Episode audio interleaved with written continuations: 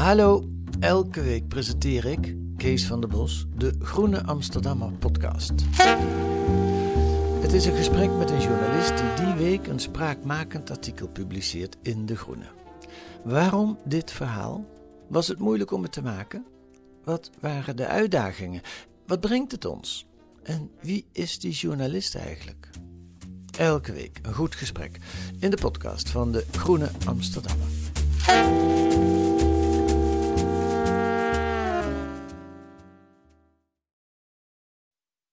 Leuk dat je luistert naar Boeken FM. Hou jij ook zo van gemak? Abonneer je dan op deze podcast, dan hoef je nooit meer een aflevering te missen. hey, en als je dan toch bezig bent, laat dan ook een recensie en een genereuze hoeveelheid sterren achter in je podcast-app. Dan kunnen andere luisteraars ons makkelijker vinden in hun podcast-apps en het geeft ons natuurlijk een goed gevoel van binnen. De leukste recensie wordt voorgelezen door Joost de Vries. Heb je een vraag of ben je onredelijk boos op ons? Stuur dan een mailtje naar boekenfm.dasmag.nl. Nee, ik wilde gewoon zeggen dat uh, 80% van wat ik gelezen heb van Lydia David gaat altijd over hoe gewoon over ongesteld zijn en zo en een baarmoeder hebben. Dus ik bedoel, dit film nog van haar mee, zeg maar. Maar ik vond je nog van haar mee. Maar ik, ik vind het. Ik, Weet ja, je, 80% van, mij, van, van de wereldliteratuur is geschreven door mensen die zeuren over hun testicles. Ik kan hier alleen maar bij knikken. Ja, dat zien de mensen niet. Echt, maar daar... Ja. ja. Mij betreft, ja, nee, nu yes. moeten we wel. Nu moeten we wel. Nu is de tune begonnen. urgentie. Spat er vanaf. dan ooit. We zijn terug, mensen. Ja, welkom bij Boeken FM, de podcast van Das Mag en de Groene Amsterdammer over boeken en de inhoud ervan. 14 tot en met 21 februari was de week van het korte verhaal. We zijn inmiddels een maand verder, maar wij vonden het wel eens tijd over een, voor een special over korte verhalen. Zo bijna twee maanden zonder aflevering. Um, daarvoor hebben we twee bundels uit de kast getrokken. De eerste is uh, te koop Babyschoentjes Nooit Gedragen, samengesteld door Annelies Verbeke, uitgegeven bij Podium, waarvoor Nederlandse en Vlaamse schrijvers hun favoriete korte verhalen uitkozen en inleiden. Uh, de tweede bundel is You Know You Want This van uh, Kristen Rupin Rupinian. Zeg ik dat goed, Joost? Ik denk het. Oké, okay, Joost denkt dat ik het goed zeg. Ze ging in 2018 viral met het korte verhaal Cat Person in de New Yorker. Uh, en nu is er dus een bundel. Benieuwd wat we ervan vinden. Uh, ik ben Peter Buurman. Ik praat erover met uh, literair columnist van NRC Ellen Dekwits. Hoi. En de pretentieuze redacteur van De Groene, Joost de Vries. Bonjour. Leuk dat jullie er weer zijn. Ik vind het hartstikke leuk. Ik vind het zo leuk ik dat we terug zijn. Waarom duurde het eigenlijk zo lang? Die vraag kreeg ik van heel ja. veel andere mensen. Nee, ja. En ja, kijk, we weten natuurlijk allemaal dat Peter momenteel in transitie is. En het duurde even voor de hormonen hun werk hadden gedaan. Dus mm. weten jullie meteen waarom het een tijdje heeft geduurd? Kijk, nee, het is ik zit hier naast twee mensen die... Uh, twee literaire sterren met volle agenda's. En daar heb ik me na, maar naar te schikken. Voor de goede orde, als Ellen zegt dat Peter in transitie is, dan bedoel ik het niet op een transgender manier, maar gewoon meer dat hij nu eindelijk de puberteit heeft bereikt. nou ja, ik dacht, weet je wel, nu ik die baard in de keel heb, uh, dan kunnen we gewoon. Toch? Nu maar Joost het was, nog. Het was, uh, Joost, er kwam iemand naar jou toe en die vond het zo jammer dat we waren gestopt. Die, die had echt het gevoel alsof de Beatles uit elkaar waren. ja. uh, ik, ik, kreeg, ik kreeg zelfs een tweet ik kreeg tweet. een tweet. Heb je een tweet gehad? Uh, van iemand die schreef, wanneer komt er weer een aflevering? Dus die, die, die had ons nog niet ten dode opgeschreven. Dat was wel fijn. Maar um, korte verhalen dus, gaan we het vandaag over hebben. Ja. Wat, wat vinden jullie er eigenlijk van? Gewoon in het algemeen. Gewoon van alle korte verhalen die er zijn. nou, weet je, het is ook een heel in Nederland een heel bij de grote massa, althans onderbelicht genre. Hè? Dat, dat stelt ook de, de, samen, uh, de inlijster in de, de bundel. eerste zin, zo Ja, echt de eerste bundel. Hè? Kijk, in, in Azië, in, in aanverwante landen, alles behalve Nederland dus, is het een mhm. groot succes. Maar bij ons niet. En dan rijst de vraag, waarom eigenlijk? Want we hebben qua korte verhalen in het Nederlands spectrum totaal geen onderproductie gehad. Hoe zit dat? Joost, weet jij dat eigenlijk? Het is inderdaad wel een grappig iets. Dat je zeker bijvoorbeeld in Amerika, maar ook in, in Engeland en ook daar heb je echt hele gerenommeerde schrijvers die niets anders doen dan korte verhalen schrijven. Ik bedoel, neem Alice Munro als, als het meest bekende voorbeeld. Uh, terwijl je in Nederland altijd het gevoel hebt dat het korte verhaal iets is dat je naast romanschrijven doet. Ja, het is meer misschien... een ongelukje. Ik heb, ge... Ach, ik heb een beetje tijd over als romancier of als dichter. Ik schrijf een kort verhaal. Ik, heb, ik was een keer bij een interview met Rob van Essen... die toch echt een van de betere korte verhalenschrijvers van Nederland is. Van de wereld. En van ja, deze wereld. Um, en die sprak er ook over van... ja, hoe werd op gevraagd... hoe weet je nou of iets een kort verhaal is of een roman. En toen zei hij eigenlijk, ja, ik, ik begin altijd met het idee, het wordt een roman. En als ik dan merk, het zit niet meer in, dan wordt het een kort verhaal. en dat is, en ik bedoel, dat zegt Rob van Essen notabene. Dus eh, er zit soms, lijkt het bij Nederlandse schrijvers iets in van... Ik doe het ernaast. Wat misschien ook wel scheelt, dat, dat, dat zo wordt in ieder geval altijd uitgelegd waarom het in Amerika bijvoorbeeld zo groot is. Is dat de Amerikaanse ehm, bladenmarkt, weekbladenmarkt en, en maandbladen altijd heel bekend waren om hun korte verhalen. Je had Collier's, je had de New Yorker heb je nog steeds, Atlantic, New Republic. Het waren allemaal van die grote publicaties die elke week een kort verhaal hadden. En die werden heel goed gelezen. Dat hebben we in Nederland ook nooit echt gehad. Ik bedoel, bij De Groene hebben we wel eens een tijdje geprobeerd. Met onze themanummers maken, doen we in de kerst en zomer, hebben we altijd een kort verhaal. Maar dan, daarbuiten werkt het eigenlijk zelden Niet in voor ons gevoel. kranten, Nee. eh, w- des, eh, hooguit feuilleton, maar dat is ook al anderhalve eeuw geleden. Hey, dat maar- echt de shit Ja. was. Maar is de, ik, ik vraag me dan af, en vroeg me eigenlijk bij deze bundel die we toen hadden gekeken, vroeg, of eh, gelezen, vroeg, vroeg ik me dat ook af. Weet je wel, zo'n inleiding begint dan eigenlijk gelijk met, met de mededeling dat, dat, dat mensen het over het algemeen niet zo interessant vinden. Is dat dan de beste, beste route? Ik bedoel, nou beginnen we deze podcast ook door te zeggen van ja, nee, we doen het eigenlijk niet in Nederland of we, we, we hebben er minder aandacht voor in andere landen. Nou, Is het niet beter om dan gewoon, folder, gewoon juist te beginnen bij waarom het, waarom het hartstikke leuk is? Want ik, ik, ik weet niet, ik ben op een gegeven moment ben ik er, kwam ik erachter dat het, dat het ook gebeurde, zeg maar. Korte verhalen. Eh, en en ik, ik heb nooit het idee gehad dat het ondergeschoven was of zo. Dat heb je gewoon toch niet door als je zomaar een boek leest en er verslingerd aan bent. Ja, sorry, ik probeer die discussie een beetje Nou, ik- weet, je, weet je, weet je ik, ik, denk, ik denk dat die inleiding ook daarmee opent, omdat de inleiding tegelijkertijd pleit voor een herwaardering van het Mm. korte verhaal in Nederland. Ja. En ik denk dat het misschien ook wel leuk is om onze podcast daar een beetje om te laten draaien, toch jongens? Een beetje enthousiasmeren. Het maakt niet uit waarom mensen het amper lezen. Aan de kwaliteit ligt het mijns inziens niet. Nee, maar dan wil ik niet heel doorgaan in het negatief. Maar het is ook wel opvallend dat koop babyschoentjes nooit gedragen. Nederlandse en Vlaamse schrijvers kiezen hun, korte, hun favoriete korte verhaal. Dat er volgens mij maar drie schrijvers zijn die een Nederlands verhaal hebben gekozen. Ja, De rest is allemaal buitenlands. En wat mij altijd opvalt, eh, en, en misschien heeft het dus ook iets te maken met hoe het in andere landen serieus wordt genomen. Dat, ik heb voor mezelf de laatste paar jaar, eigenlijk ben ik pas voor het eerst een beetje korte verhalenbundels gaan lezen.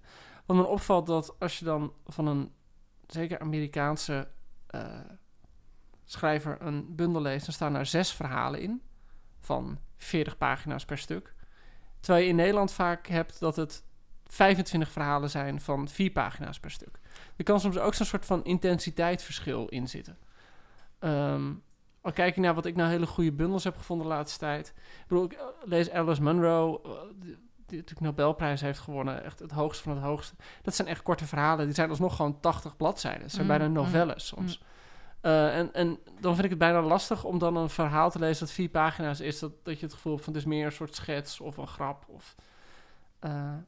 Maar wat, wat, wat maakt een kort verhaal dan...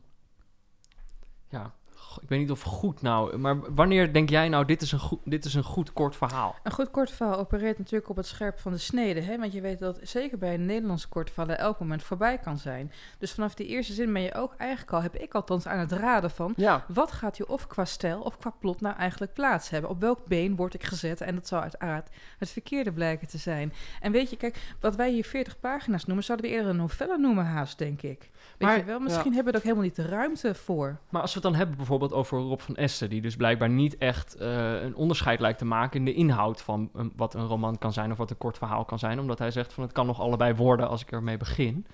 Maar ja, ik, ik weet niet hoe ik daarover denk. Ik heb dan toch het idee... Kijk, en misschien dat je dat, dat je dat aan het begin van een idee ook niet kan weten... maar dat er toch een kort verhaal zich misschien net iets beter leent voor een ander soort verhaal. Jij zegt al iets over op het verkeerde been gezet worden. Dat kan. Voor een zekere manier van plotbehandeling kan je het inzetten. Maar ik, ik heb wel het idee, voor mezelf althans, hè, als ik kijk naar eh, columns, de verhalen, de gedichten die ik maak. Je hebt eerst een concept, daar ga je een beetje mee stoeien. En dan een concept kiest als het ware het genre. Het laat zich niet afdwingen. Hoe zit het bij jou, Joost? nee, ik ben het met je eens inderdaad. Ja, die krijg je gewoon. Maar- Super pretentieus. moeten, we, moeten we het anders niet gewoon hebben... eh, aan, een, van- aan de hand van een van de verhalen die erin staan. Oh, absoluut. Ja, ik zat te denken, goed. zullen we met Rob van Essen? Ik, ik, ik weet, we kennen jou langer dan vandaag. Ik weet dat je altijd staat te springen. Nou ja, kijk, een van de vragen die je over het boek kan stellen is... eh, eh, wat is je korte, favoriete kort verhaal dat hierin staat? Oh ja, dat is Van al die- Oh, ja. interessant, Al die, eh, interessant. Van al die schrijvers die er zelf in hebben uitgekozen. Maar kijk, als ik zelf een verhaal had moeten kiezen voor deze bundel... eh, dan had ik denk ik hetzelfde verhaal gekozen als Marja Pruis... die inderdaad een verhaal van Rob van Essen heeft gekozen... Wat ik een hele leuke korte verhalenschrijver vind. Dit is wat ik je beloof. Eh, ja, dit verhaal eh, over de, de, de, de roeimeisjes. Ja. Zo noem ik hem dan meest- meestal. Ehm, eh, dat is gewoon mijn favoriete kort verhaal. Dus ik was eigenlijk wel blij dat hij hier ook dat hij hier tussen stond. Ik Wat mij betreft helemaal, helemaal terecht. En eigenlijk, waar we het net aan over hadden, waarom ik, denk, waarom ik het zo'n goed kort verhaal vind, is dat er inderdaad zoiets in zit dat je op het verkeerde been wordt gezet. En dat dat ook. Kijk, soms voel je dat aankomen. Soms weet je dat gewoon. Maar de eerste keer dat ik dit verhaal las, en ik wil het niet. We moeten het misschien niet te veel over de inhoud hebben, omdat je het dan verknalt voor de mensen die het nog gaan lezen na deze aansporing. Maar de eerste keer tuinde ik er ook gewoon Ja, ik ook. met Maar open laat- ogen laten, we, laten we er wel iets over vertellen. Ik bedoel, Ja. de roeimeisjes, Oké. voor de goede orde. Het gaat over... Hebben we het in de vorige podcast? We, Ja, hebben- we joh. hebben dit boek wel eens gehad. Ik heb we het hier al tien nog een keer over We gaan ervan uit dat elke ja. lezer... We, zijn zo lang hier niet geweest. Ja, jullie zijn iedereen is vergeten. weer vergeten. Lekker weet je wel. dement. Mensen weten ook niet meer wie wie is en zo. Ehm, ik ben Joost de Vries. Eh, maar goed, eh, dat verhaal, eh, dit is wat ik je beloof, gaat over Lodewijk. Lodewijk fietst langs de Amstel. Vliegt over de kop. vliegt over fiets. de kop, hij heeft met zijn band ergens eh landt op zijn hoofd. En wordt door een groepje vier meisjes uit een roeibootje gered. En Lodewijk is van hun leeftijd. Zijn allemaal studeren ze nog en zo.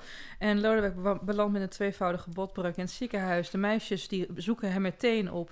En die vier meisjes zien er alle vier appetijtelijk uit. Maar er is er eentje die hij echt super lekker vindt. Fast forward, een paar weken later. Lodewijk plust een beetje bij in de Games Bar. Weet je wel, dat is natuurlijk een plek waar je denkt van... nou, hier gaat het seksueel niet gebeuren. En dan komt een van die vier roeisters, niet de juiste... maar wel 25% van de groep, komt binnengewandeld. Nou, op een gegeven moment denkt hij dat die meisjes een geintje met hem aan het uithalen zijn.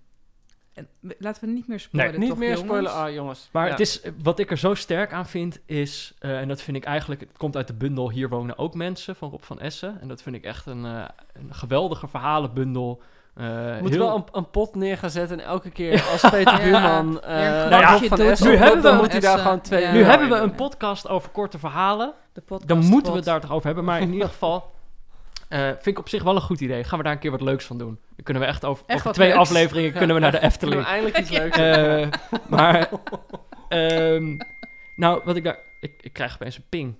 Ik hoorde een ping. Ja, dat was Auke Hulst. En die zei dus van, je praat er heel erg omheen, Peter. Wat bedoel je nou echt? Eh, nou, wat ik zo goed vind aan al die verhalen eigenlijk... is dat er gebeurt in, in, in dit verhaal dan niet... maar in alle andere verhalen eh, ehm, eh, gebeurt dat wel. Maar soms gebeuren er hele vreemde dingen... maar de ondertoon is altijd eh, voelbaar. Is altijd gewoon een emotioneel herkenbaar idee. En dat zit ook in dit verhaal. En Marja Pruis schrijft dat ook goed. Ieder kort verhaal in deze bundel heeft een eigen inleiding. Dus iemand vertelt ook waarom die een bepa- bepaald verhaal heeft uitgekozen. En zij zegt ook van ja, dit gaat eigenlijk over een, over een, een jongen die het leven een beetje aan zich voorbij laat trekken. En ik vond dat een hele goede typering, want het klinkt enorm simpel. Eh, en dat is nou, het is niet dat het verhaal nou zoiets extreem simpels heeft of zo, of al die andere verhalen Nou ja, in de bundel dat het hebben. tragische is dat het leven aanvankelijk met een volbeladen dienblad naar hem toe komt. Ja, dat dringt zich aan hem op gewoon. ja, ja, ja. En hij denkt, nou, lachen, weet je Het wel. komt bij hem aan de bar eh, zitten. Opeens Ja. wist ik ook hoe entitlement voelde. En daarna gaat het toch weer bergenafwaarts. Ja, ja, door zijn eigen toedoen misschien of zo. Ja, ik vind Nou, het gewoon... door een Mag ik ook zeggen dat het, toedoen. het, ja, ja. het verhaal heeft ook wel echt een van de, de betere seksscènes die ik ken. Meerdere betere Meerdere betere seksscènes. seksscènes, ja. Maar wat, wat voor Stop, mij... stop, Joost. Wat sprak je dan precies zo aan in die seksscène? eh, dus Auke wil het echt heel graag het weten. Eh, Auke zegt dat stukje waarin ze anaal gaan. Ja, dat stukje waarin ze aan naal gaan is wel echt heel goed. Ehm, dan moet ik, ben ik natuurlijk als een gek aan het bladeren. Nou ja, met, gebruik- met, die, met die kathedraal. Ja, dan, dan betreedt hij een meisje anaal. En dan, eh, dan voelt het alsof hij zich in een grote kathedraal... en uiteindelijk ontploft de kathedraal ook. Ja, het is, het is wat dat betreft... Ik werd er ook een beetje hitsig van. Dat kan natuurlijk ook het droogstaan Maar- zijn. Maar ik vond het zeer leuk om te lezen. En het is gewoon, hij, hij, is, eh, hij is komisch. Dat kan natuurlijk ook. Ik bedoel, je kunt ook gewoon een verhaal kun je heel grappig houden, het- omdat het toch al na 40 pagina's voorbij is. Dus dan heb je niet het idee van waar gaat het allemaal nog over. Maar hij gaat op een gegeven moment gaat hij maar- larpen met allemaal mensen. En dan hij, zit, hij doet helemaal niet mee in dat spel. Hij zit gewoon de hele, het hele spel lang zit hij ergens op een bankje in de zon. Het grappige is, hij begint, hij begint, dat meisje geeft hem eh, ehm, een tube glijmiddel en zegt van achteren, ben je er klaar voor? En hij schrikt zich te basten. en hij moet dan denken aan de eh, Rabbit-cyclus van John Updike, waarin Rabbit, de hoofdpersoon in die vier boeken, voor het eerst van zijn leven anale seks heeft. En dan schrijft hij, ik weet nooit zo goed wat ik moet antwoorden wanneer mensen me vragen wat het nut van literatuur is. Maar nu had ik veel baat bij mijn belezenheid. Het was een zegen dat ik me aan Rabbits ervaring kon vasthouden. In herinnering aan die passage vergaf het me net genoeg zekerheid om op het voorstel van Valerie in te gaan. Voor zover een voorstel was tenminste, en geen bevel. Natuurlijk, er is ook porno. Maar bij porno zie je alleen dat het kan, niet hoe het is. Want opeens was het zover. Valerie had met condoom omgedaan en glijmiddel aangebracht. Ik lag op handen en knieën, ze en lag op handen en knieën voor me, terwijl ik op het punt stond om... Dit lukt nooit, dacht ik. Maar ook Rabbit had dat gedacht, herinner ik me. En toen ik toch verder ging, ging het precies zoals ik had gelezen. Je denkt dat het niet gaat, en dan gaat het wel. En je wordt ontzettend strak omklemd, maar daarachter, achter die klem, is niets, een zwarte leegte. En het verbaast me dat het inderdaad klopte van die leegte. En tegelijkertijd verbaasde me het me niet, omdat ik erover gelezen had. En ik was zo onder de indruk van die lege ruimte achter haar kringspier dat ik vergat te bewegen. Als een toerist die een kathedraal binnen is gelopen en met open mond om zich heen kijkt. Valerie duwde zich tegen me aan. Ik duwde mijn vingers in haar vlees. Het was intenser dan alles wat ik tot nu toe had meegemaakt. Hierbij vergeleken was alles wat ik hiervoor had gedaan sex light geweest. Toen ik klaar kwam, ontplofte de kathedraal. Ja, hoe, hoe, hoe goed die scène ook is, zou, zou ik dit niet willen... Zeg maar, nu hebben we dit stukje voorgelezen. Ik zou niet willen zeggen, de dit is... luisteraar porno, porno, porno. Ik zou niet zeggen, dit is het anale seksverhaal van, van Rob van Essen. Hij heeft hier meer, Nee, het- eh, het is heeft hier ook- betere. Het is Nee, het is ook wat- vaginaal. Het, het zit zo mooi. Het gaat gewoon natuurlijk heel erg. Er zit natuurlijk heel erg zo'n beeld in van die hoofdpersoon die een beetje niet heel actief in het leven Ja. staat. En dan eigenlijk zijn enige referentiekader van het leven is literatuur. Nou, en hij is ook een, een, een schrijver die soms eh, eh, in, in, in één zin eh, eh, raak kan zijn. of Kan je een Dus, voorbeeld noemen? nou, dat is eh, aan het einde, zonder dat einde te verklappen. Maar hij komt, een van die roeimeisjes, komt die jaren later nog eens tegen. En zij zegt dan op een gegeven moment tegen hem... Jij was vroeger best wel knap, wist je dat? op een soort woedende manier. Waarmee, zeg maar, ook zijn huidige persoon finaal wordt... Weet je wel, zo van, je bent nu niet knap meer. Vroeger was je best wel knap. En nu ben je, nu ben je dat ook al niet meer. Maar wat, wat er voor mij in dit verhaal zit, en dat is heel kenmerkend voor het korte verhaal in zijn algemene verschijningsvorm, is toch de twist die in het einde zit. Ja. Gewoon puur Ja. omdat een, verhaal, een kort verhaal kort is, kun je, en dat doen ook heel veel schrijvers, heel vaak iets met het perspectief doen. Dat het toch gewoon draait om iets dat al die tijd verkeerd is begrepen. Of een stukje informatie dat al die tijd voor de lezer is weggelaten. Met een roman werkt dat niet. Je kunt niet iemand een boek van 400 bladzijden schrijven en dan op de laatste bladzijde van haha, trouwens, dat broertje wat ik de hele tijd bij me had, dus eigenlijk ben ik het zelf. Eh, of, Hij is toen- zelf dood. Ja, en, en toen werd ik Ja, wakker. Melmoth was dat toch? Ja, hè? Melmoth Ja. was het ook. Oh, maar ja. goed, dus, dus eh, dat, dat, zo'n soort plot twist... Hè, zou, zou je waarin dan, je al die tijd iets niet hebt gezien. Dat kun je bijna niet maken in een roman. Dat is te onbevredigend. zouden ze maar heel veel ook... eh, korte verhalen die ik heb draaien precies daarom. Ja. Dat er gewoon net zo'n zo'n twist is. Oh, wacht eens. Eh, maar zou het ook, ex- zijn ze ook experimenteler misschien dan eh, romans? Nou ja, het ligt eraan. Als je niet veel korte verhalen leest, dan kan je denken dat het experimenteel is. Verge- nee, maar vergeleken bij Ja. romans. Maar wat mij opviel eh, toen, ik, toen ik de verhalen in deze bundel Ja, las, het is ook wel generatief eigenlijk. In Ik die vond dat er te weinig experiment in zat. Ja, en, en, en ook van, nou, het is allemaal droefheid. In meer dan de helft van de verhalen wordt eh, actief eh, vreemd gegaan. En het is eigenlijk het cirkelen rond de uitzichtloosheid die menselijk bestaan is. En dat maakt niet uit. Kijk, eh, alle ideeën zijn al een keer eerder uitgediept. En het wordt in een aantal verhalen in deze bundel op weergaloze wijze gedaan. Maar eh, het, het gevoel bekruipt je toch dat het een beperkt genre is, wat het niet is. Maar Ik wel vind- op basis van ja. deze selectie. Ik vind dus... Kijk, zo'n verhaal van, van Rob van Essen, door die twist die het heeft, wordt het onvergetelijk. En Ja. snap ik heel goed waarom je kan zeggen, dit is gewoon het beste dat ik ken. En iedereen zou dat moeten lezen. Dit moet je echt een keer lezen. Eh, dus dat vind ik een uitstekende keuze. Maar ik had inderdaad ook het idee dat er een paar generatieve... Welke? Generieke, hoe zeg je dat? Generieke, ja. Ja. God, ach, Joost, verbeter ons Nou, even. er is op een gegeven moment... eh, James Salter komt op een gegeven moment voorbij. John Cheever. Eh, het is allemaal wel, wel goed, maar daar, daar zit dus juist die twist waar eh, Joost de Vries het over heeft. Joost de Vries. Eh, zit, daar niet, zit daar niet in. Niet de andere Joost. Nou, juist wel bij Cheever. Dat is, na- dat is een verhaal, de trein van eh 5 uur 48. Een, eh, een man, een baas, wordt door een oude werknemster een beetje gestalkt op een dag. Eh, hij is met haar naar bed geweest, heeft haar daarna laten ontslaan. En ze blijkt een pistool bij zich te Ja, oké. hebben. ja. En uiteindelijk Nou, is die meer. Dan bedoelde ik eerder die andere. Van Salter. Salter, ja. van Salter, Ja. dus die zielige vrouw. Ja. Nou, ik vond het einde wel heel Ja, erg mooi. Je, de- de- lieve luisteraars, kijk, de vrouw komt in deze bundel bekaart vanaf. En niet alleen is er maar weinig eh, letters voor de vrouw hier weggelegd. Moeder de vrouw. Ja, daar hebben we het later nog wel een keer over, Joost, maar nu even niet. Eh, bovendien zijn alle vrouwen de bedrogen paardjes. Ja. Ja, ze bedriegen zelf ook wel, maar dan zijn ze slachtoffer. Nou ja, je hebt het verhaal het, van Tsjechov zit er natuurlijk in. Ja, ja. Maar ze, ze, ze wordt toch de, hij noemt, die, die hoofdpersoon noemt de vrouw het inferieure ras de hele tijd daar. En ze wordt Ja, ook vooral als kan je ook, dat kan je ook lustobject. lief bedoelen. Ja, Nee, dat nee. zeg je dat tegen Eh, je moeder van, oh, Joke, of hoe heet ze? Favoriete, Shannon. Truus. Ja. favoriete verhaal, Ellen. Eh, Dagen van Inkeer van E.M. Holmes. Niet omdat het een vrouw is trouwens. Eh, Dagen van Inkeer gaat eigenlijk over een, ehm, een, een vrouw die gaat naar een soort eh, trauma-congres. En Oh ja. eh, Die- Zij is schrijfster van Holocaust-fictie. Holocaust-fictie heeft, Heeft de. Holocaust Ja. niet zelf meegemaakt. Ontmoet daar iemand die ook in oorlogsgebieden als journalist werkzaam is. Ze gaan natuurlijk vreemd, maar het gaat eigenlijk om het doorgeven van eh, herinneringen en hoeveel zeggingskracht je hebt als tweede generatie. Ze zijn op een soort... Ze zijn op een genocide-congres. Ja, dat is het. En, en dan, weet je, er wordt- er heerlijk lullig uitgeweid over de hapjes eh, die er zijn. Er is een woedende holocaust-overlevende die je alleen maar blij kan krijgen nog met chocola. En ehm, ik vond het meeslepend niet alleen omdat je op een gegeven moment vergat dat je, na een, dat je een kort verhaal aan het lezen was. Dus ik, ik vergat van, Mhm. waar gaat dit heen? Het was alleen maar van, ja, volgende raken zin en volgende raken zin. En, ehm, Heb die- je een paar rake zinnen? ja, ik zal eventjes eh, erbij pakken hoor. Eh, Ze rijdt naar een kleine universiteitsstad in het noorden, waar, deskundigen op het gebied van martelbeleid en moord met neurowetenschappers, academici, overleefden en een paar speciale gasten bij elkaar komen in wat nu een voortdurende poging is geworden om het allemaal te begrijpen alsof dat mogelijk zou zijn. Het is hard.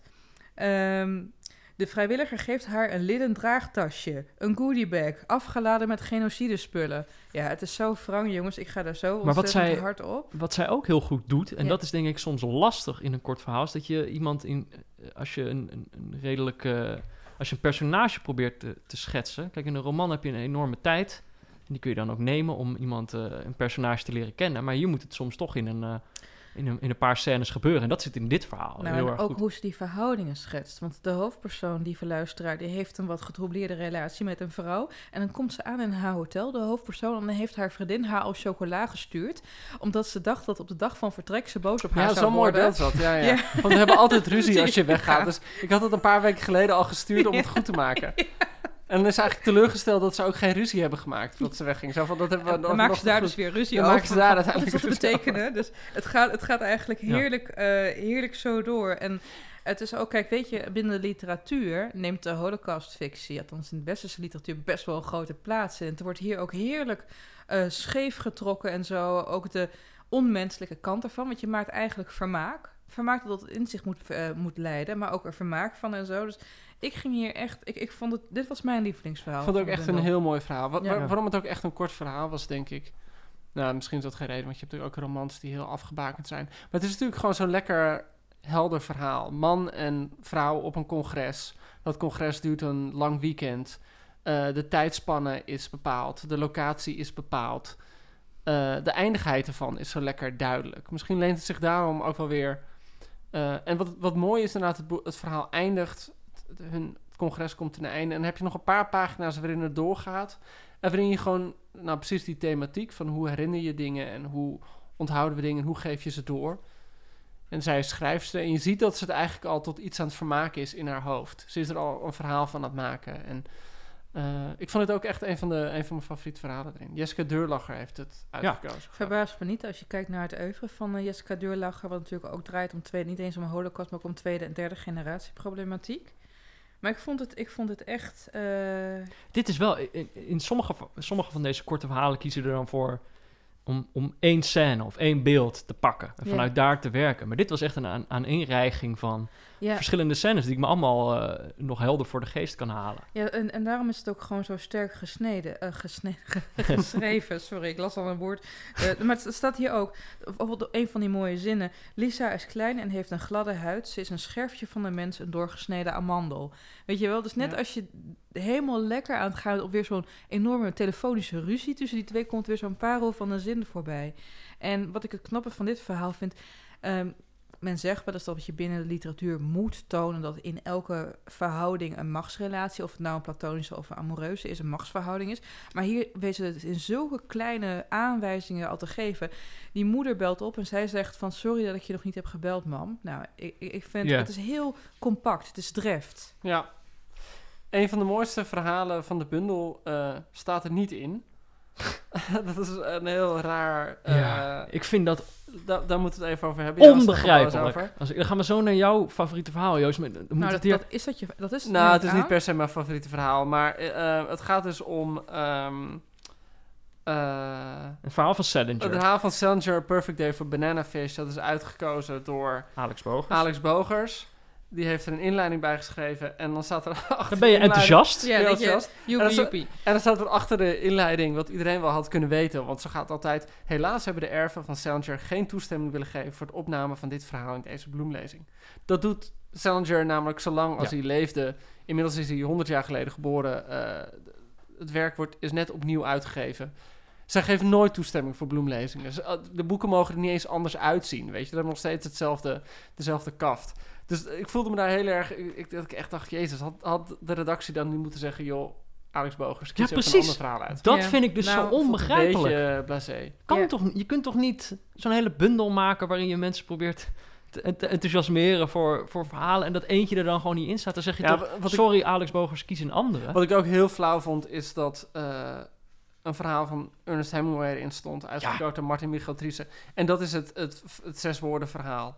Eh, te kopen, babyschoentjes, nooit gedragen. Dat vind ik ook. Dat is het hele verhaal, voor de goede orde. ja. Ja. Eh, dus ik bedoel, dat het idee is dat dat in dat ene Kan je- gegeven, ik vind, kan je niet babyschoentjes nooit kiezen. gedragen, dat, daar, dat ik echt denk, ja, dat, dat- dat- hier betaal ik niet voor. weet Nee, je wel? en ik vind ook... Ik weet nog wel dat Dave Eggers, sorry, ik ga nog heel even ja, door je je heen. gepassioneerd hierover. Ik weet nog dat Dave Eggers Ja. ooit een verhalenbundel uitbracht.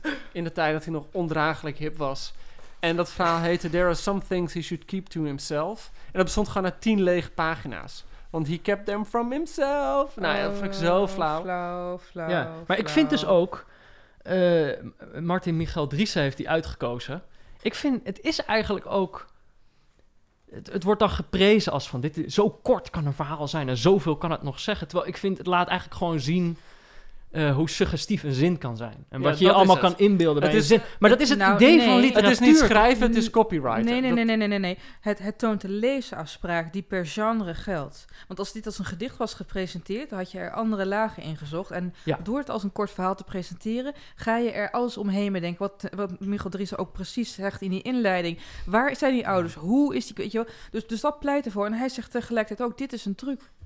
Weet je Ja. wel, dit is geen genre op zich. Maar daarover gesproken, er zit nog een eh, superkort verhaal in van Lydia Davis, gekozen door Saskia de Zij is twee keer Ze uitgekozen. zelfs. staat er twee keer in, maar de, de, de 50% eh, ga ik nu behandelen. Ja. Het verhaal heet dokterstitel en het gaat als volgt. Al die jaren dacht ik dat ik een dokterstitel had, maar ik heb geen dokterstitel.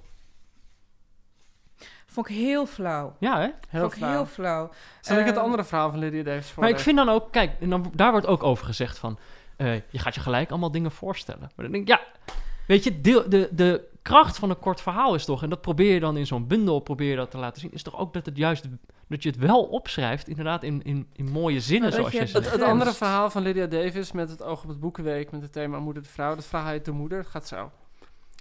Het meisje schreef een verhaal.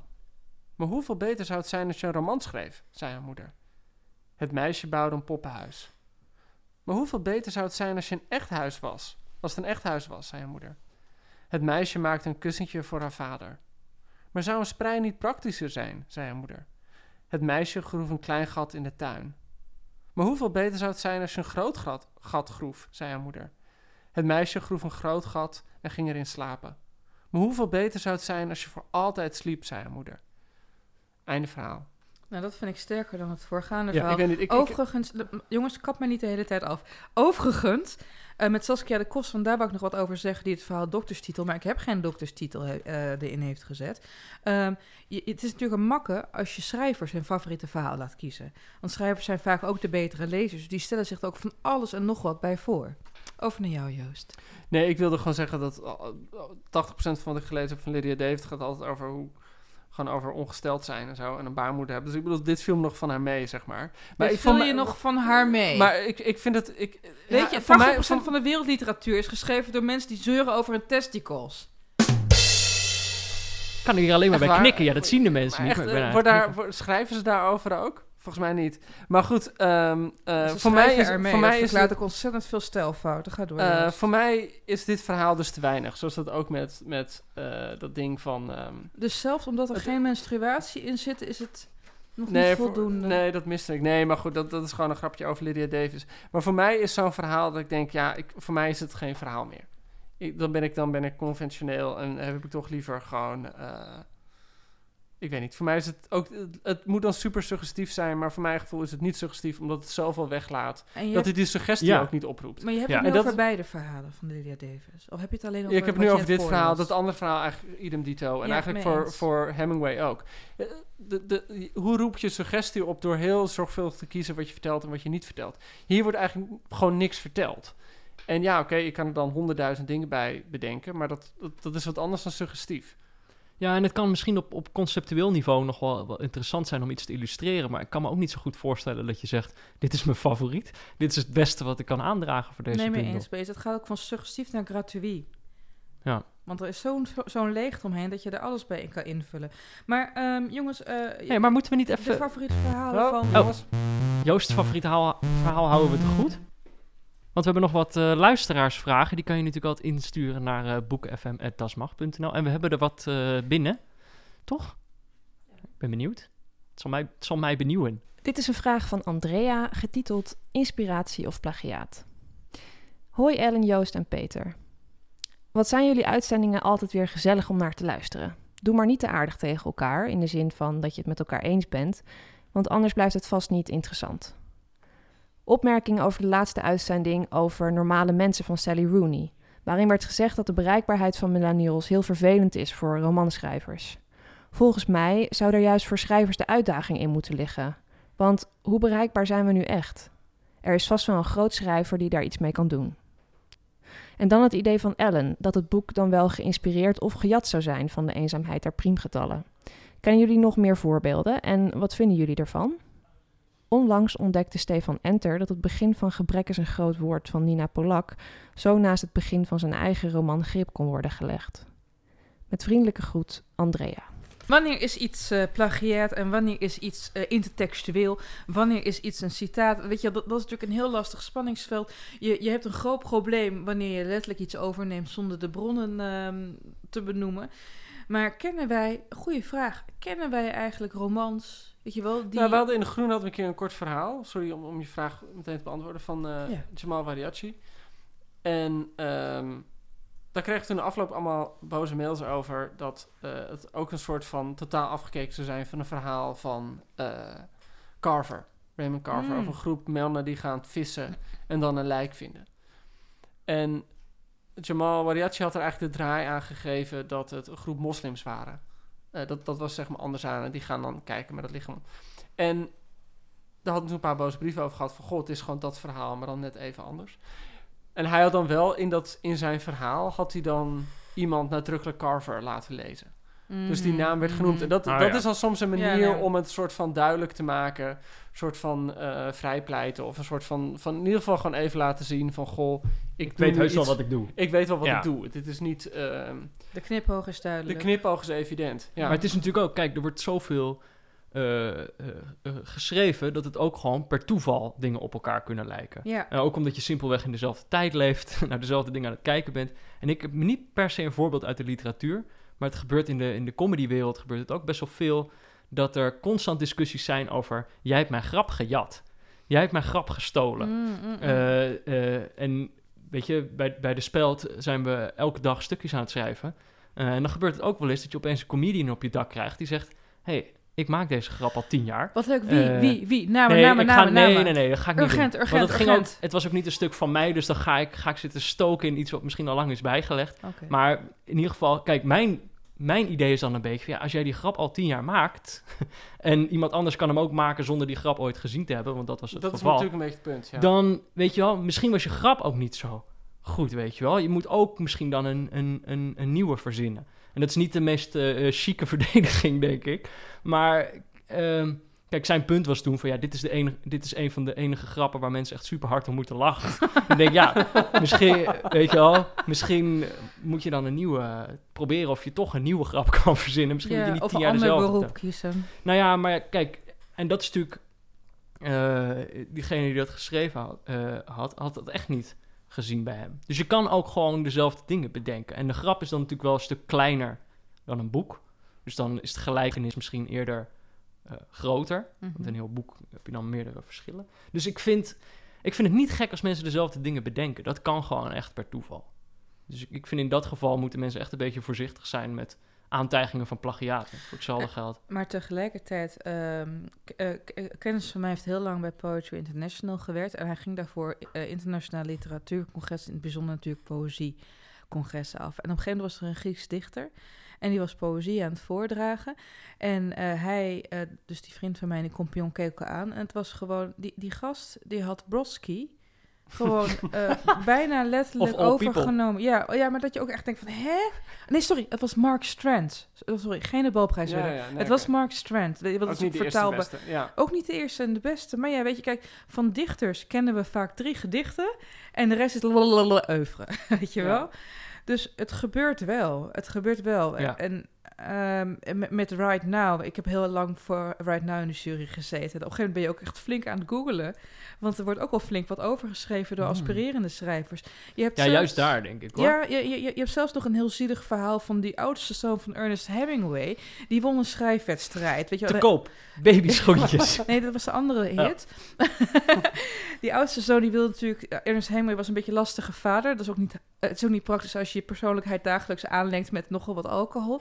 En die zoon die wilde heel graag dat zijn vader trots op hem was. Dus die had een schrijfwedstrijd gewonnen. En toen bleek naar de hand dat hij de mail van Tsjechov één op één had overgeschreven. Ik weet Met hier een van mijn lievelingsboeken. Dat is een boek dat ik af en toe cadeau geef aan mensen. Het was van vorige week nog aan uh, dat Nina mag redactrice Marcia gegeven. Old School van To- Tobias Wolff. En dat gaat dus over, dat is echt een waanzinnig verhaal. Het gaat over een groep jongens begin jaren 60 op, eh, op een exclusieve jongensschool. En die, die school heeft elk jaar de traditie dat er een grote schrijver wordt uitgenodigd. En dat de jongens allemaal een verhaal mogen schrijven. En die, de schrijver kiest dan de winnaar. En dat jaar zou Ernest Hemingway komen. Dan zijn ze allemaal, en dan gaat het dus over de hoofdpersoon. Die vindt uiteindelijk een verhaal van iemand anders. En dat gaat hij plagiëren van iemand van een andere school. En dat is zo geweldig gedaan. Uh, dit is totaal random. Maar Old School van Tobias Wolff. Ik heb het een keer gekocht op het vliegveld. Uh, ik moest twee uur wachten. En nog voordat ik in het vliegtuig stap, had ik het uitgelezen. Omdat ik echt zo'n monomaan zat te Oh. lezen. Oké, okay, dit was mijn tip tussendoor. Nou ja, ik, uh, Andrea, ik hoop dat je er wat, uh, wat aan hebt. Ja. Ik hoop dat je tevreden bent met dit antwoord. Dagboek FM. Een vraag voor in de podcast. Bij het bekijken van een boekenkast bij iemand thuis bouwt mijn brein geheel spontaan een karakterschets van deze persoon op op basis van de boeken in de kast. Doen jullie dat ook? Wat is de leukste en ergste karakterschets die jullie hebben gemaakt en op basis van welke boeken? Groet Thomas, trouwe luisteraar. PS, een aanmoediging voor Ellen. Haar uitgesproken meningen zijn een pret om naar te luisteren. Een pret. Jezus, waarom altijd Ellen? Een pret. Ja, maar dat, dat is omdat ik een vrouw ben en een mening heb. Dan ben je al snel Ja, dat is- uitgesproken. even- Hi Thomas, nou weet je, luister, kijk, die karaktertest, dat doe je natuurlijk niet alleen met behulp van de boekenkast, maar ook omdat ik meestal voordat ik iemand ontmoet op wat voor manier dan ook zijn Tinder, zijn Facebook en zijn ouders al heb gecheckt. Dus dan weet je eigenlijk wat voor vlees je in de kuip hebt. Wat je eigenlijk bedoelt te vragen is, wat is nou echt een grote afknapper? Ja, wat is een turn Wat ja. vind je Mm. kut als iemand in de kast staat? Nou, als iemand eh, na zijn dertigste nog eh, de wereld van Sofie in heeft staan... dan denk ik van, nou jongens, echt serieus, Pesarium er weer in. We gaan lekker naar huis. Ik heb er helemaal... Of Pesarium er dan weer uit. We gaan lekker naar huis. Ik heb dat een beetje met, met eh, De Alchemist van Paulo Coelho. Oh, ja, Dat ja, ik ja, ook denk van... Ja, ja, ja, ja. Eh, Khalil Gibran, de profeet. dat Oh, ik ook ja, denk van, ja. weet je wat is? Het gaat op zich niet om de kwaliteit aan zich, maar er wordt zo mee gedweept. Ja, de wereld van Sophie. Ja, ja, de wereld van Ja, Sophie. ik zou inderdaad eerder, als je het idee hebt van, ik, ik, ken, ik ken al deze boeken. En het zijn gewoon allemaal de, de boeken van de week van de Wereld Draait Door, die, die hier staan. Ik denk dat dat eerder... Nee, je ontduikt de vraag. Wij willen concrete titels. Wij zijn met de billen bloot gegaan. Nou, jij Nou, ook. Hoppakee. Oké, dus stel, stel er staan, weet je wel, er staan gewoon niet zo gek veel boeken. Dus er staan er zoiets van 10, 20 en dat je dan al meteen die, die boeken van Harari ziet staan. En dan verder nog wat, eh, wat, eh, wat romannetjes. Ja, ik weet niet. Ik denk dan... Wat is ik, een romannetje, ik vind eigenlijk-? Nee, maar, maar dat maakt dan gewoon niet zo gek veel uit. Maar gewoon titels die je sowieso meteen al kent. Weet Ja, ik dat je gewoon nog niet Ja, eens de, de boekenkast ziet. Oh, dus Dat je- je de titels nog niet kan lezen, maar gewoon al aan de kleur denkt... Oké, dat is het diner. En oké, daar hebben we Bonita Avenue. En oké, weet je... dus jullie minachten eigenlijk ook de boeken die jullie zelf ook kennen. Nee, wat, wat het voor mij een beetje... Laat ik het zo zeggen. Het is gewoon leuk. Ik draai de vraag nu om. Het is gewoon een enorm toegevoegde waarde. Als je iemands boekenkast ziet en je ziet dat het gewoon eigen boeken zijn. Gewoon boeken die niet gekozen zijn op basis van... Dit is nu Ja. populair in de media. Dit is nu boek van de maand, weet ik wat. Maar je ziet gewoon dat het iemands eigen smaak is. Dat is het gewoon natuurlijk het leukste van... Dan is zo'n boekenkast echt een, een, eh, een window into the soul. Maar hoe Maar- kan je die oh. authentic- authenticiteit toetsen dan? Nou, in de zin van dat het niet de Als het- boeken zijn die de afgelopen tien is. jaar... Nee, niet per se obscuur. Ja. Helemaal niet. Maar ik bedoel, als zijn het de boeken die de afgelopen tien jaar... gewoon de hele tijd in de CPNB top 60 hebben gestaan... dan is het niet echt een onderscheidende feature van iemand. En op het moment dat je gewoon allemaal rare boeken ziet staan... oudere boeken, onbekendere boeken... dan heb je het idee van... oh, wacht, deze plank laat echt iets zien over wie iemand Ja. is. En ik vind ook dus ook die, die insteek van wat is een afknapper. Ja, ik, ik zit dan toch niet zo in elkaar. Ik ben, ik, ik ben dan toch eerder. Ik neig dan meteen naar een, een voorbeeld van iemand waar, waar ik me meteen extra mee verbonden voel op het moment dat ik zijn boekenkast zie. En dat is, dat, ik herinner me dat ik op een gegeven moment bij een, eh, een, een vriend thuis kwam die gewoon echt. Zijn, zijn halve kamer lagen gewoon allemaal stapels met boeken. En dan veel filosofie en geschiedenis, dat had hij dan eh, ges- gestudeerd onder andere. Maar ook allerlei eh, eh, science fiction boeken, die dan ook enorm beschadigd waren. En toen vroeg ik, oh ja, hoe komen die helemaal zo gekringeld en zo? Zeiden ja, eh, dat lees ik vaak onder de douche. En dat vind ik dan zo, dat vind ik zo'n geweldig beeld. Daarmee heeft hij echt onmiddellijk een soort respect afgedwongen. Eh, dat hij daarna nooit meer is kwijtgeraakt. En welk boek moet eh, een van onze luisteraars in hun kast hebben staan, in zijn kast hebben staan, om jullie wel onder de indruk te laten zijn? Als daar, als daar eh, Visser van Rob van Essen staat, dan heb je Ja, mij dan ben heb je een harde plasser. Jij, Joost? Absoluut. Ehm, Sling van Foucault. Van, van Umberto Eco. Nee, dat meen je Ja, dan denk ik, oké, met, jou, met jou kan ik zaken doen. Oh, jij, Ellen? Aan het werk van Mishima. Dan weet je ook meteen dat het geen gezellige avond gaat worden. Maar, maar, maar, maar goed. Is dit voldoende? Ik vind het ook heel fijn, maar dat is ook verschil tussen jou. Maar als iemand poëzie in zijn kast heeft Ja, ik vind het ook heel fijn als iemand dat... Ja, een breed scala vind ik wel leuk. Als het inderdaad zowel poëzie, non-fictie, Ik vind het heel moeilijk als mensen echt geen poëzie lezen, inderdaad. Ja, ik, vind, ik heb... Dat Joost, zeg ik fijn alleen gewoon om jou te Ja, hoor. Dit is gewoon een soort... Hey, dit soort München is dit. Dit Nee, dat gaat, te ver, negen. dat gaat te ver. We gaan terug naar deze bundel. Nee, dit is Stockholm-syndroom, Joost. Oh. Terug naar die bundel. Ja. Joost, we hebben jouw favoriete verhaal nog te goed. nou ja, Van- nee, stop. Oh. Moeten we Salinger niet behandelen? Die is namelijk genoemd in de bundel. A Perfect Day for Banana Fish is... Ja, ik ben wel benieuwd. Ik heb Ja, hem niet gelezen namelijk. Oké. Dat kon niet, want hij stond hier niet in. Je kan je klassieke Jezus Christus, Peter. Hoe Dit- moet- dit, dit moet Luister. Hij staat hier niet in. lezen. Dit Peter. krijg je op elke schrijf... Nou, Oké. A Perfect Day for Banana Fish is het enige verhaal van Salinger waarin Seymour Glass in levende lijf wordt opgevoerd. Het is ook het verhaal waarin hij mee eindigt dat hij zelfmoord pleegt. Je weet waarschijnlijk... Als handelend personage bedoel als je? Want, handelend want personage, Seymour ja. zit in de andere Ja. boeken als briefschrijver. Ja, als een briefschrijver Ja. of een keer als jeugdherinnering. Ja. Eh, J.D. Salinger heeft een hele serie verhalen Mhm. geschreven over de familie Glass. Ja. Allemaal geniale kinderen, maar het meest geniaal van allemaal was de oudste broer Seymour. Die om totaal onduidelijke redenen voor de rest van het gezin op zijn honeymoon zelfmoord heeft gepleegd. Dat is dit verhaal. Eh, Perfect Day for Banana Fish. Het begint ermee dat de jonge bruid van eh, Seymour, beeldschoon rijk meisje, met haar moeder belt. Of haar moeder belt haar. En dan staat er een geweldige zin. ehm, She was a girl who for a ringing telephone dropped exactly Die nothing. heb ik dus net. Dus, Oh, echt en waar? hiernaast ook. Nee, maar de, de zin daarop. Ze zag eruit alsof haar telefoon aan één stuk door Door had had- gerinkeld vanaf het moment waarop Ja. ze in de puberteit was Ja, gekomen. dat vind ik altijd zo'n goede zin. nou, ik, bam! het is ook zo'n zin die ik al Maar heel die vaak... noemt Alex Bogers ook, toch? Die dat zin? Oké, nou goed. In ieder geval die zin heb ik Alex echt al... Bogers. Ik weet dat je luistert. Eh, die zin heb ik al heel lang, al honderd jaar heb ik die in mijn hoofd. En gewoon voor bepaalde vrouwpersonages. Dat ik denk, oh mijn god, she was a girl who dropped exactly nothing for ring. Maar goed, in ieder geval. En dat verhaal, zij praat dan een beetje met haar moeder over... Ja, wat, dat is op honeymoon. Het is een beetje raar. Hij is een beetje raar. En vervolgens ga je naar Seymour op het strand... die met een, een jong meisje een gesprek heeft over banana fish.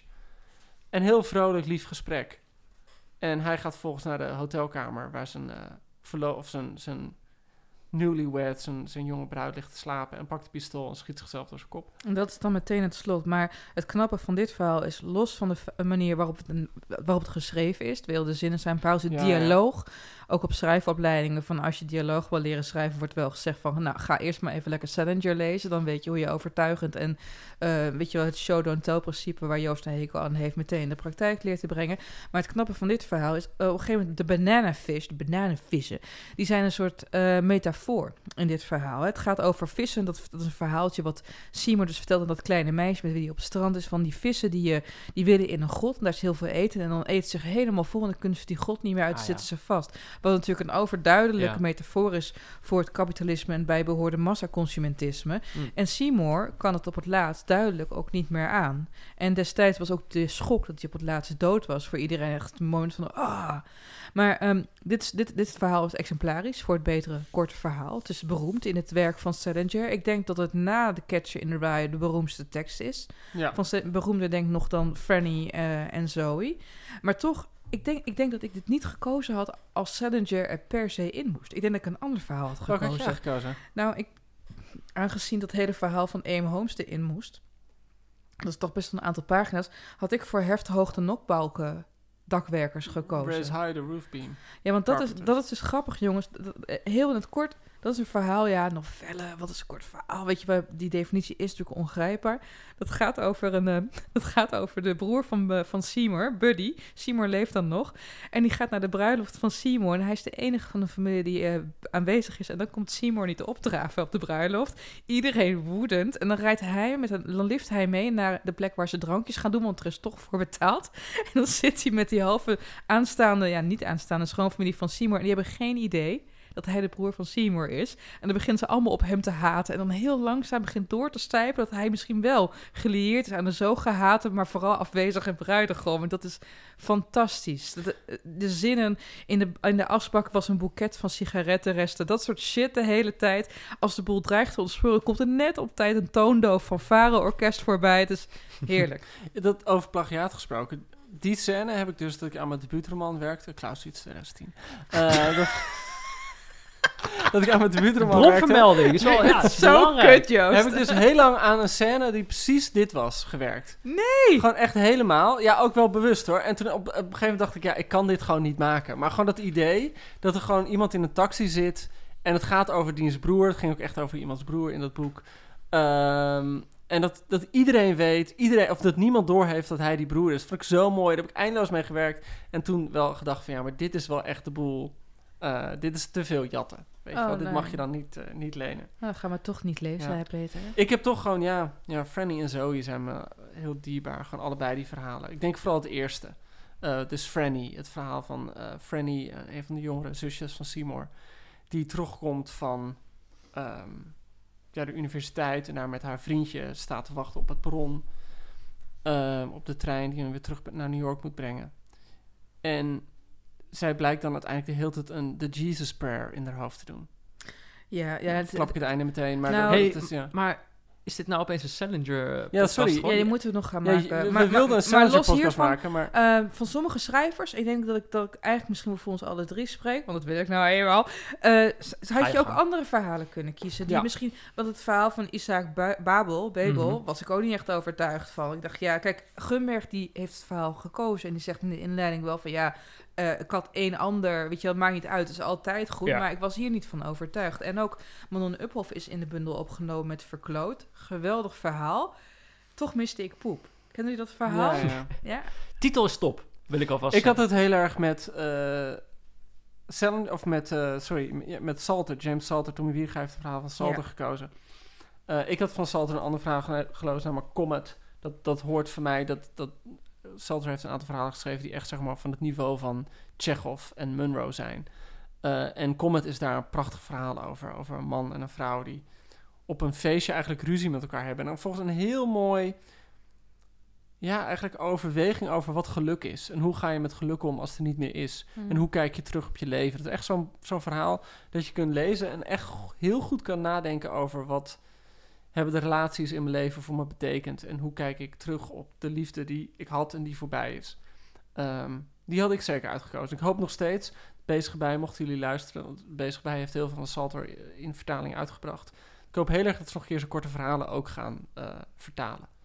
Ik, eh, wat ik ook wel leuk vond, is de, de keuze van eh, Peter Buwalda voor het verhaal van Hermans. Oeh. Eh, ik, Oeh. bij mijn... eh, Oh, Ja. Nou, jammer. jammer. Het ging de hele tijd goed. Nee. Eh, ik had bijna respect voor bij- je. Ik had- weer- Ik had eh, tij- tijdens mijn studie Nederlands, echt het, het eerste jaar van de, van de bachelor, moesten we heel veel van die korte verhalenbundels van, eh, van Hermans lezen. Eh, en ik kende tot op dat moment alleen romans van hem. En eh, wat ik wel leuk vind, is dat hij dus in, in, eh, in die kortere verhalen veel gekkere dingen durft te doen. Dus eigenlijk ook veel experimenteler. Maar En hij doet in zijn boeken en toch ook hele gekke dingen? ja, maar ja, als, je het, als je de donkere kamer van Damocles hebt of nooit meer slapen, dat is echt veel minder gek dan bijvoorbeeld dit verhaal. Ja. Of eh, heel veel van die bundels staan gewoon vol met, naar mijn idee, veel, zoals ik me herinner, veel experimentelere dingen. Maar bij dit En ik verhaal vind is wel van tevoren al de veiligheidspal gegeven Ja. dat de hoofdpersoon gek is. Het heet manuscript in een kliniek gevonden. Ja, dus dat suggereert niet Ja. Nee. dat hij zijn neus heeft Wat laten ik wel wil zeggen, dat verhaal, eh, Peter Buwalda zegt ook van ja, dat is een verhaal als een nachtmerrie. En toen las ik, las ik dat en dacht ik van, ah ja, oké, het is inderdaad wel freaky, maar eh, nachtmerrie, nachtmerrie. Toen kreeg ik die nacht een nachtmerrie. Niet, niet per se over, dat Peter verhaal. Die, die, die opeens een boek had geschreven. Verschrikkelijke droom. Tussendoor, tussendoor. Heeft Le- Peter- luisteraarsvraag. Hè? Eh, hebben jullie, hebben jullie, zijn jullie al bezig in de nieuwe Buwalda? Nee, Nou, niet. Nee? Oké. Ik wel. jij wel? Ja. Ja. De grap is, lieve luisteraars, hè, misschien moet ik het toch even verklappen. Wij hoopten eigenlijk van Boeken FM dat Peter Buwalda nog een maand zou wachten met eh, het uitbrengen van Otmers Zonen. Waarom? Wij wilden een 1 april aflevering maken over de nieuwe Buwalda zonder hem gelezen te hebben. Maar dat is dus helaas, die beker is aan ons voorbij Ja. gegaan. Maar ik ben bezig en kijk, het is overgeredigeerd. Er, er- er staan klunzige zinnen in. Eh, maar er staan ook prachtige metaforen bij. En die, die, die, die machtsverhoudingen tussen die mensen. Het is wel echt heel maar goed. als jij zegt, je moet, Peter, je moet dit gaan lezen, dan ga ik het doen, hè? Peter Buwalda of Peter Buurman? Pe- t- Peter B. Lees, nou, ik zou zeggen, lees, lees. Want je moet er even inkomen. Er staan al de recensenten ook. En dan is het wel echt weer vuur, hoor. Oké. Oké, nou, ik ben overgehaald. Dat ging snel, hè? Ja, makkelijk. Moeten we nog, willen we makkelijk. iets zeggen over deze bundel in het Ja. algemeen nog? Ja, want weet je, eh, eh, eh, eh, één verhaal wat mij echt heel erg verraste. Ik had, nog, ik had nog niks van deze auteur gelezen. Was het verhaal dat Hannah Barefoot uitkoos. Ja. Van, eh, van Phil Clay. Een verhaal uitgezonden. Wat is er aan de hand? Amerikaans militair komt terug van zijn missie. Ja, je merkt ja, dat hij totale PTSS heeft. En dat zijpelt zo fantastisch door. Ik, ik, ik had echt kippenvel. Ja, Alleen al het begin. De eerste zin is beschoten op honden. En dus tussendoor schuwt hij de humor niet. Dan schrijft hij... eh, hij zat erbij met een grijns als een homo in een piemelboom. Natuurlijk ben ik een beetje homo geobsedeerd in deze podcast... maar ik vond het wel erg lollig. Ja, ik vond dat ook een bijzonder verhaal. Maar Wat, wat natuurlijk ook het geld van deze bundel waard is, eh, ligt voor de hand. Maar de dame met het hondje staat erin van Anton Chekhov. Ja, Wat Ja. echt, wat ik Ja. nu iets van, van een derde of vierde keer gelezen heb en nog steeds verbaasd over ben hoe intens menselijk Chekhov schrijft. Dus iemand die, ik bedoel, het is natuurlijk de grote klassieker op het gebied van korte verhalen. Van die verhalen waarin hij heel scherp over mensen schrijft. Hij ziet alles, hij prikt Ja. overal doorheen. En op geen enkele manier is het veroordelend. Eh, dat, dat vind ik altijd zo bijzonder aan zijn... eh, nou ja, maar het is impliciet veroordelend. Want hij maakt ze wel belachelijk door de manier waarop hij ze in Ja, maar hij, hij, hij neemt ze ook helemaal serieus als, als mensen. En als, ik bedoel, eh, gewoon ze serieus nemen of... of ehm, hij ziet het, maar ik vind niet dat hij, ze, dat hij een soort van cynisch naar ze kijkt. Of, of heel veroordelend. Juist niet. Hey, zullen we naar de, naar, naar de volgende bundel? Nee, want Oh. eh, er is nog één Oh. klein ding. Jongens, ja, sorry. Maar dat moet Nee, ik toch even... Ik je hoeft je niet te waarom voor excuseren. Sorry, godver, godver. Wat misten wij in deze bundel? Want er zijn toch wel...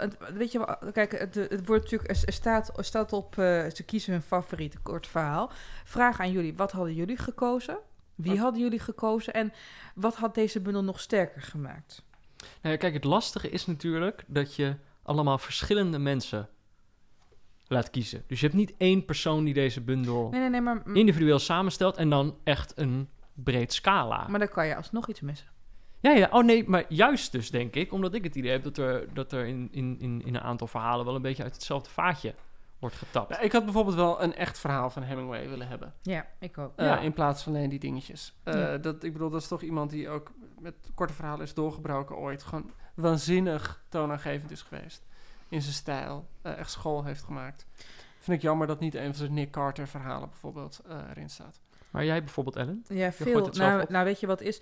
Eh, kijk, eh, Wil je specifieke titels noemen? Die de neus van Coco, maar dat, dat zegt Annelies Verbeke ook al. Weet je wat? Het is toch vreemd dat die ontbreekt. Eh, ook verhaal van Nabokov. maar dat, dat, dat is zo ontzettend goed. The Dead van James Joyce. Ja. Dat vind ik een van de beste korte verhalen die ik heb gelezen. Eh, maar ook eh, eigen klassiekere schrijvers. Daphne du Maurier, auteur van onder andere The Birds. Don't Look Now. Dat is chilling. Ik vind het enger en harder dan de, bijvoorbeeld Edgar Allan Poe die wel in deze bundel staat. Nogmaals, geen oordeel. Eh, Shir- Shirley Jackson, The Lottery. Ik eh, hoorde krekels. Ehm, ik, had, ik had bijvoorbeeld graag Laurie Moore erin gehad. Eh, van In Your Ugly Too. mhm. Geweldig verhaal. Of een paar van de verhalen uit Self-Help. Geweldig, stilistisch. Ik, ik heb volgens mij al eerder in deze podcast Adam Johnson bezongen. Ja. Amerikaanse schrijver. Heb ik gekocht op jouw Oh, aanraden. heel fijn. Moet nog beginnen. En eh, ik zou ook wel één of twee of één verhaal van Rebecca Lee erin willen hebben. Heb je nu in de Eh, hand, in- Latland, in ja, handen? dat wilde ik nog zeggen. Maar de, de- ik, ik zat eerst te denken, moet ik het weggeven aan mijn lezers? Of aan mijn luisteraars? Aan jouw eh, luisteraars. Ja, ook, want wij zijn gewoon... die hun oren dicht doen als wij praten, Ellen. Ja, ja. Ik wilde het dus aan een van jullie geven, maar nu heb ik zoiets Oh. van... Maar wij luisteren Nee, niet naar nee, je, luister. Links en andere verhalen is in vertaling verschenen bij Neigen van Ditmar van Rebecca Lee. Amerikaanse schrijfster die heel zelden schrijft. Ik bedoel, de- de- deze bundel is 200 bladzijden en dat is echt de oogst van 25 jaar schrijven. En die heeft zulke mooie, lieve, menselijke, wezenlijke verhalen. Er zit één verhaal in Latland. Heb ik ook wel eens een paar colleges over gegeven. Waanzinnig mooi verhaal. En gek genoeg kost het boek 3,99. Bij eh, de Atheneumvestiging in Amsterdam. Dus je moet het ik- allemaal kopen. Dat En ik, ik, had het dus net En gekocht. links het dier, dus Het niet de ja, in- het stemrichting. Engels heet het Bobcat. En eh, ik wilde het aan een van jullie twee geven, gewoon omdat, jullie, omdat ik jullie zo lang niet gezien had. Had ik er eigenlijk twee moeten kopen, maar... ik, krijg, ik, ben helemaal, ik ben helemaal ontroerd. Ja, dus ik weet niet wie van jullie het liefst wil hebben. Ehm, ik Nou, weet, we kunnen het ook ik- zo meteen afloop Ik heb nog wel even de nieuwe Buwalda. En dat is toch 10.000 pagina's om door te blijten. Ehm, Oké, dan geef ik hem aan Peter Buurman. Nog even over Nederlandse schrijven. Want ik miste ook, ik miste Biesheuvel. Want de Ja. prijs voor de beste Oh, korte ja. verhalenbundels is natuurlijk, heet het Biesheuvelprijs. Ik miste Ja. ook het geweldig verhaal Sleur is een roofdier. Ja, van van, eh, Hoyer. En eh, kijk, Mi Michael Martin Driessen is gevraagd om een eh, verhaal te kiezen voor de bundel. Maar ik vind het ook een hele goede korte verhaalschrijver. Alleen Ja. die bundel Rivieren al geweldig. Dus ehm, Peter, wat miste jij nog dan? David Sedaris? nee, niet lucht bedoel, want die Nee. heeft een paar fantastische Ja, korte verhalen. Nou, Edgar Keret, had ik ook nou die misschien wel- inderdaad. oh ja, want ik kon niks bedenken, maar die misschien wel. Ja. Maar kijk, aan de andere kant, dat is iemand die ik al, die ik al ken. Eh, ik, ik, ik, ik- Zo'n bundel is het charmante natuurlijk ook wel. Dat iemand je kan introduceren aan iemand die je nog niet kent. Nou ja, ik, ik ik had ook Sanneke van Hassel, weet je wel, redelijk bekend, maar mag, verdient meer bekendheid. Nou goed, dit klinkt echt als een enorm doodlopende steeg qua Nee, conversatie. oh, maak je helemaal geen zorgen, joh. Ik zat Nee, gewoon maar na dat is goed. Over. Ja, nee, nee, nee. Ik nee heb altijd de- niks meer van Sanneke van Hassel heb gelezen. Nou ja, toch goede verhalen. Je merkt Ja, in ieder geval, er staat ja, ja. genoeg in om over te. Ook praten. een van de weinige mensen in Ja. Nederland die daar echt gewoon haar specialisme van heeft Ja. gemaakt. Ja. Goed. Je merkt, er, er staat genoeg in om over te praten. Genoeg om over te praten. joh. Eh, dan hebben we nog een andere bundel liggen. Daar hadden we het al heel kort over. We, we wilden het daar eigenlijk over hebben, omdat je natuurlijk eh, dat korte verhaal. Ja, ik was, was, wat, wat, wat had ik nou besloten in de intro? Kristen Rupinion.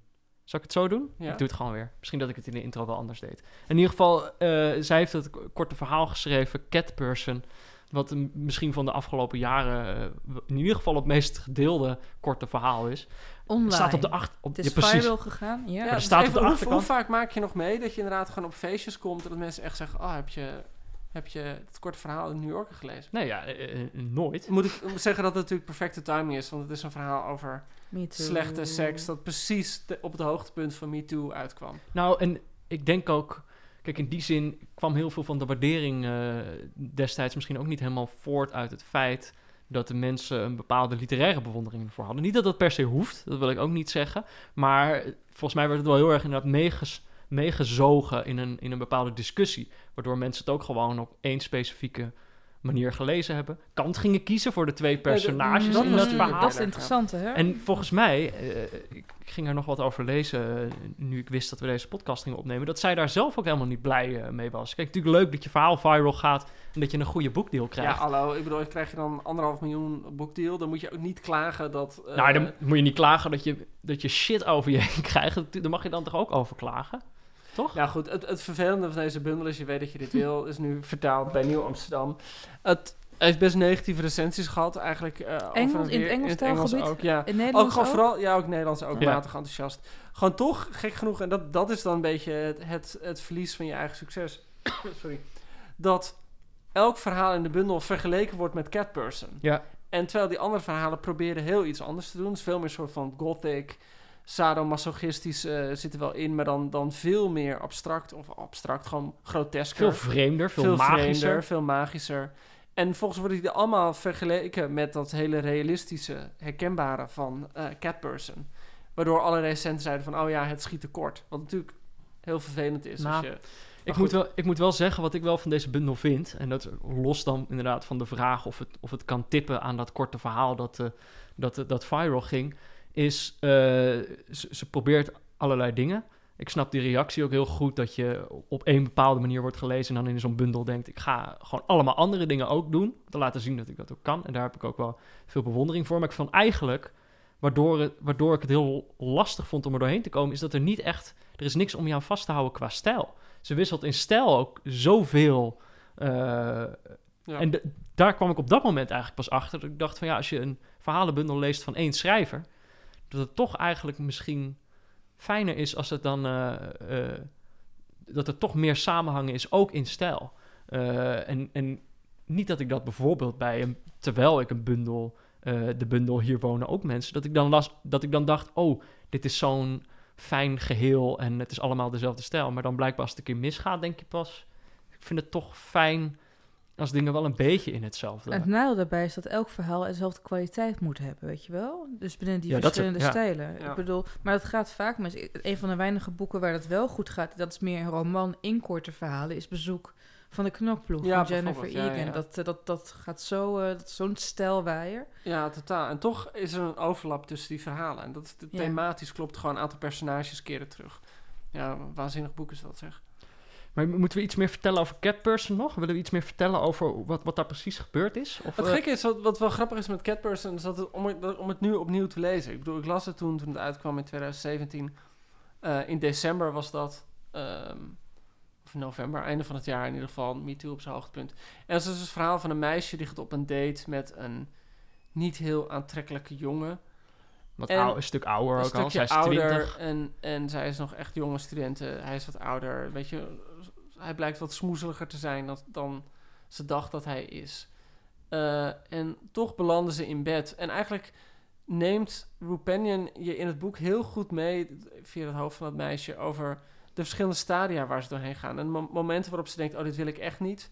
Tot andere momenten waarop ze denkt van, ach ja, ik vind het ook wel fijn dat hij mij zo aantrekkelijk vindt. Totdat ze op een gegeven moment een punt aankomt waarin ze gewoon geen nee meer durft te zeggen. Dat ze denkt van, god, het is nu echt onbeleefd om... Dus aan de ene kant heb je heel erg... En zo werd er volgens mij denk ik ook op gereageerd door de mensen. Aan de ene kant kan je het heel erg zien van haar van... Oké, dit is dus hoe het is voor een vrouw om uit te gaan. Dat ze op een gegeven moment denkt van... Goh, eh, er worden nu dingen van me verwacht en ik durf me niet meer terug te trekken. Aan de andere kant kan je het ook meer lezen als je meer oog hebt voor de jongen. Die dat misschien gewoon niet doorheeft. En gewoon denkt, jee, meisje wil met me naar bed. Geweldig. En volgens eindigt het natuurlijk heel naar dat, dat de, de nasleep wordt... waarin zij gewoon niks meer met hem te maken wil hebben. En hij gewoon steeds bitterder en, en moeilijker en eh, heel boos, heel boos wordt ook. En Waarbij, maar ook daarbij kan je denken van, god, maar ja, die, die jongen denkt alleen maar, wat? Ze is met me naar bed gegaan, vindt ze me nu niet leuk. Nou, ik dus vind je kan het meerdere kanten opleggen. Precies, en dat is het sterke, denk ik, van het verhaal. Daarom eh, is het misschien ook zonde dat dat verloren gaat in een discussie. Dat het volgens mij juist heel gelaagd was. Eh, als je het nu ook terugleest, eh, is het dat, naar mijn idee, eh, nog steeds. En dat het in die zin ook echt realistisch is, omdat de realiteit ook vaak wel gelaagd is. Ehm, maar ja, eigenlijk, dat, dat miste ik dus weer. Ja, sorry, ik ben exact dat aan het doen. Ben ik het toch aan het In de rest van de toetsen. bundel, ja. Nee, maar dat, dat vond ik dus ook gewoon qua schrijven heel goed in elkaar zetten. Dat, je hebt heel, het is geschreven naar het perspectief van het meisje.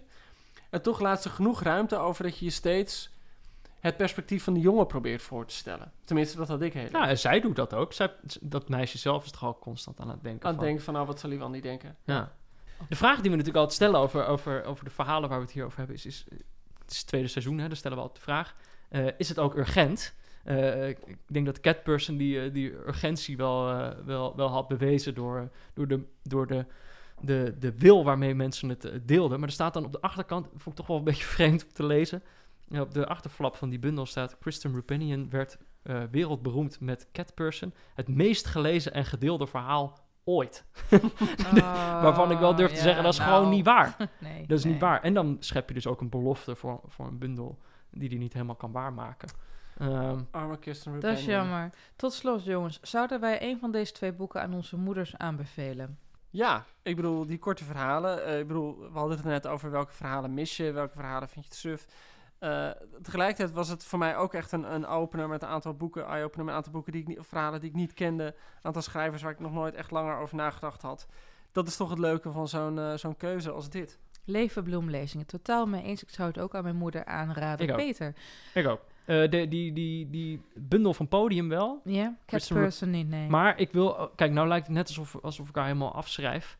Eh, dat, is, dat is ook niet het geval. Ik ben best wel benieuwd hoe die roman eh, gaat worden. Oké, en eh, laatste vraag, een cijfer. Ik denk... eh, maar dat vind ik lastig. Een bundel met allerlei... altijd Zo'n verzamelbundel. Peter. Er staan allemaal dingen Ja, in die je niet... excuus. Dus nee, het kan alleen maar een 6 zijn. Oké, Toch? Dat kan Joost? alleen maar. Dus, mm, ook een 6. Maar dit... Ja, nou, ik, ik geef ze een acht. Echt? Ja, want ik, ik, alleen al door die Philip Clay daar was ik zo blij ja. om. Jongens, dat in het verhaal van de EM Hoops. En ook gewoon voor de mensen die... Die Flannery O'Connor trouwens, hè, hebben we die niet oh, over gehad? Italo Calvino. Geweldig! Ja, Calvino, weet je wel. En kijk, natuurlijk ontbreekt er heel veel. Borges zit er niet in, nou, noem maar op. maar maar ik, was toch wel echt okay. gecharmeerd. Dus het krijgt dus... Een 6, 9 hierdoor. Oh ja, oh, je hebt gelijk het gemiddelde uitgerekend. oh Ja. En die bundel, ja, ja, sorry, vind ik toch een, eh, een 5. Maar als je, dus, als je dit luistert en je hebt Catperson nog niet gelezen, lees, dat vooral. Ja, gewoon dat, dat is toch wel het geld van de bundel waard. Dus koop die bundel gewoon voor Catperson. Nou ja, ja. Nou, prima. Toppie. Toppie joppie. Hey, eh, dan moeten we afronden. Het is zo, we hadden het over korte verhalen, maar het is eh, per ongeluk heel lang geworden. Maar ja, we waren er ook een tijdje niet. We hadden wat in te halen. We zijn er snel weer, toch? Sneller dan vorige Dat keer. hoop ik. Dat is wel de bedoeling. Ja. Eh, dit was Boek FM, de podcast van Das Mag en de Groene Amsterdammer over boeken en de inhoud ervan. Heb je een vraag of opmerking? Eh, stuur die dan naar boekfm.dasmag.nl. En eh, zoals ik al zei, we hopen er weer regelmatiger te zijn. Eh, dankjewel Joost. Hoi. En dankjewel Ellen. Ik vond, het weer, ik vond het weer hartstikke leuk. Een warm bad. Dat is het, hè? Dat is Te warm. Dankjewel. een bloedheet bad. Nou, om in je polsen door te snijden. Daar gaat je zaad.